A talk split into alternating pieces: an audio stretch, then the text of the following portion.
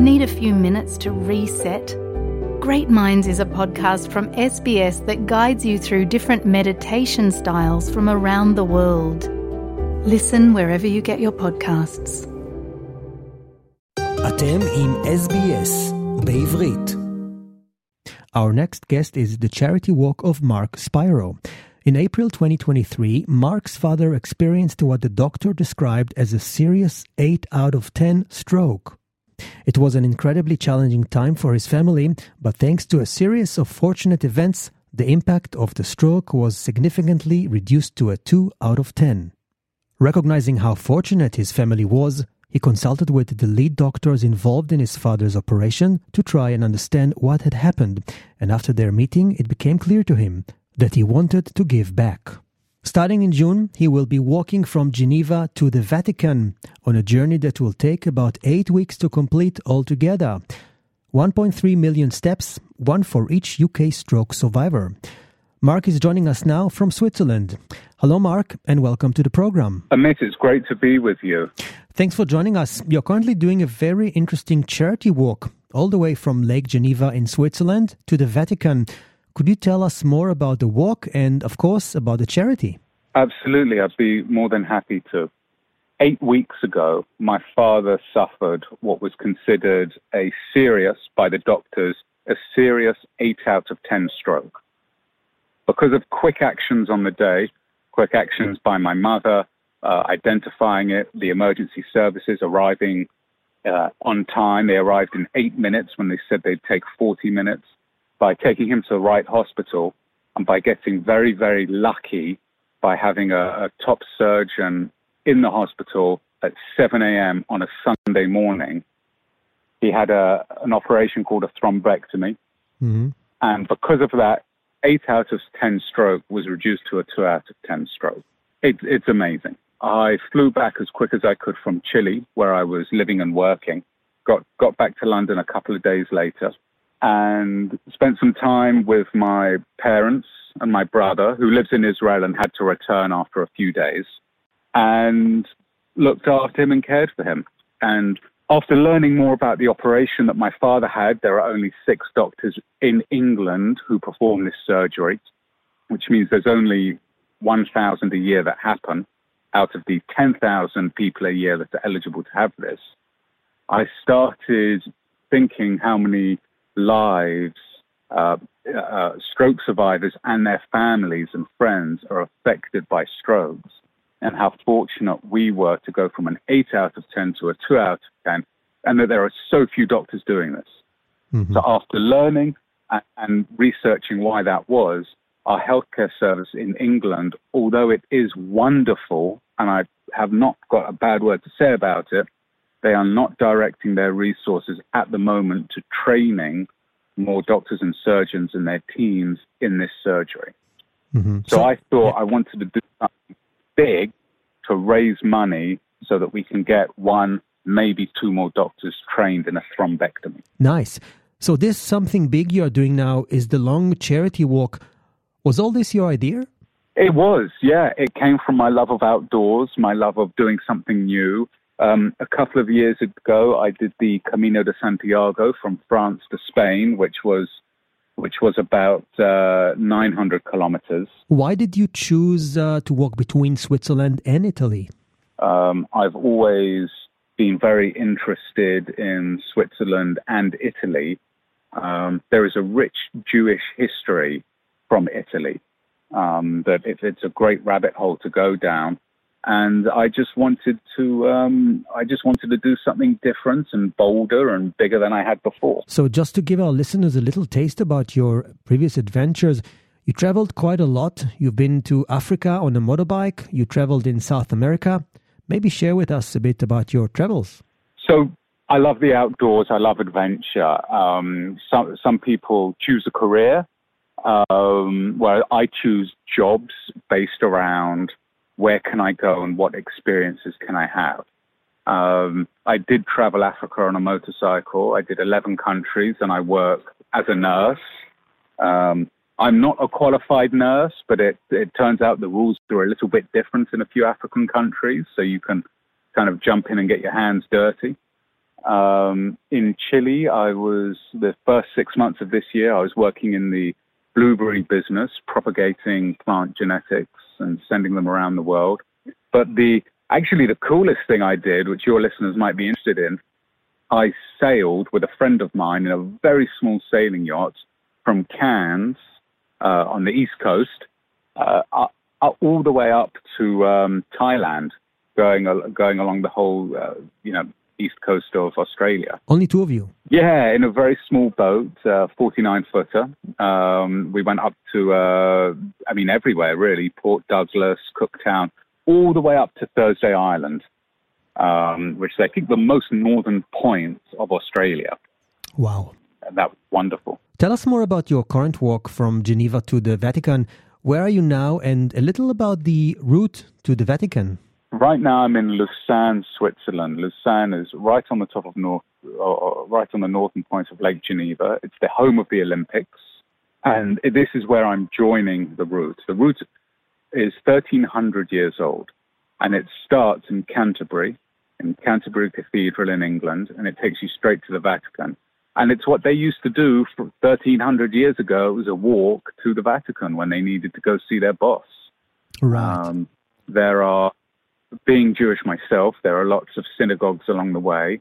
Um, just last Saturday, uh, I, I, I, was in the synagogue in Lausanne, which is actually a very beautiful synagogue. It's about 120 years old and it serves 500 families.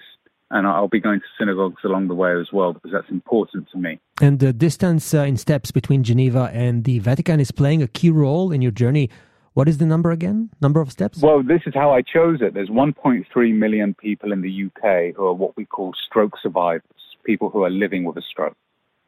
Um, and I just calculated, you know, if I'm going to do this walk, I want to take one step for everyone. Where am I starting? Mm, mm. And I put into the calculator my stride length is 82 centimeters. Um, I calculated that and I said, okay, 1.3 million steps takes me to Lausanne. It turns out, by the way, Amit, that my maths was a bit wrong. I didn't factor in that having 18 kilos on my back take, takes my stride length from about 80 centimeters to 60. So I'm going to, I've already done 132,000 steps just to get from Geneva Airport to my starting point. So I'm going to go way over, but that's okay. Okay. Look, uh, what you're doing is truly amazing, but let's talk about some of the things that uh, one can learn about the causes and the life saving treatments of stroke patients, especially since your father had a very bad one. What have you learned and what tips can you share with us? Well, I'll just I'll just remind everyone of the uh, the how to spot a stroke. It's called Be Fast. The first thing is balance. Okay, the first thing is eyesight. If you see someone's balance is a bit off, they complain they can't see, then it gets to F. You have to be fast. If you identify that in anyone, think stroke. That's what I really want people to think about. If they see someone's balance is off and they complain they can't see or they're having problems with their vision, take them to a hospital immediately. That's the first thing. On top of that, I didn't realize I had in my head that strokes was something that old people got you know, something that grandparents got or great grandparents when you're in your 80s. 26% of people that have strokes are in working age. They're under the age of 65. That was new information for me.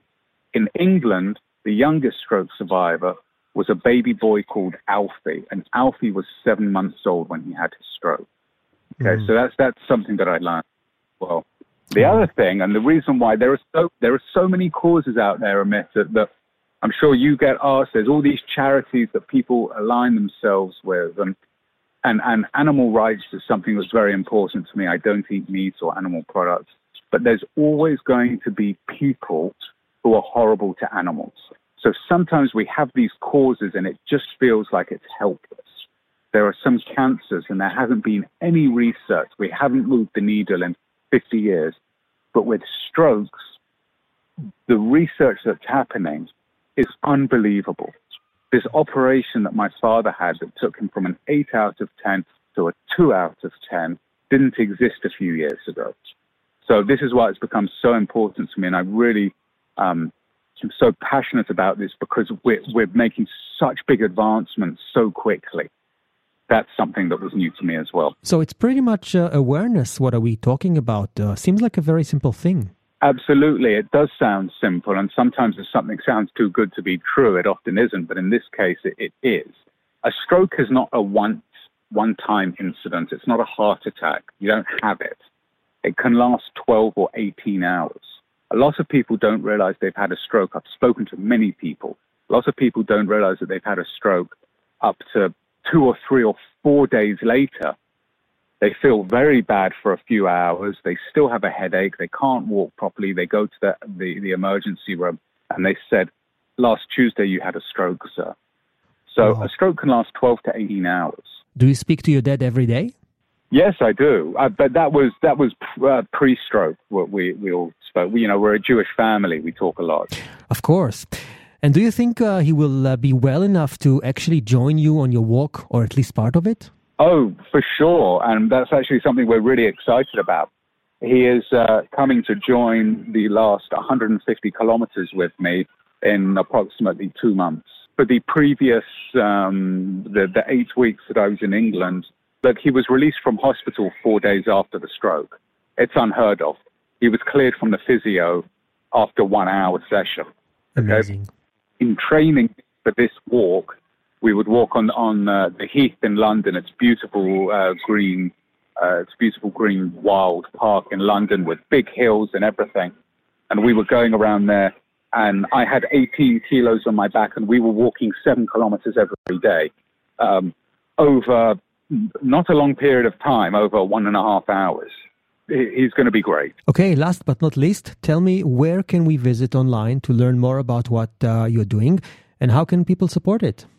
So, first of all, that that's the the absolute best thing people can do. If they want to get involved, please go to www.markspiro.com. That's M A R K S P I R O.com. And I'll just be clear. Every single penny, you can find out more about the walk, you can find out more about my father's stroke and his operation. But every single penny that we raise goes straight to the University College London Hospital charity. The UCLH are one of the largest um, hospitals and charities in the United Kingdom, and they have 700 um, charities that they direct their funds to every year. When this walk is done, we're going to take all the money that we've raised. I'm going to sit down with the two lead surgeons of my father's operation, and we're going to give that money directly to causes that, that give that they've given their blessing to to get more doctors trained in thrombectomy. The money I'm raising, it's not buying me new shoes yeah, it's not putting me out of my tent and into a into a hotel for the night. It's going straight to UCLH charity, and then those funds will be allocated by the two lead doctors. Mark Spiro, with his charity walk from Geneva to the Vatican for raising money for doctors who could better understand and treat strokes. Good luck with everything. Cheers, Amir. The best thing you can do is just learn about how to spot someone having a stroke. Be fast. It's all on the website. I encourage everyone to do that. If you act fast, you can save lives. רוצים לשמוע עוד סיפורים? האזינו דרך האפל פודקאסט, גוגל פודקאסט, ספוטיפיי, או בכל מקום אחר בו ניתן להאזין לפודקאסטים.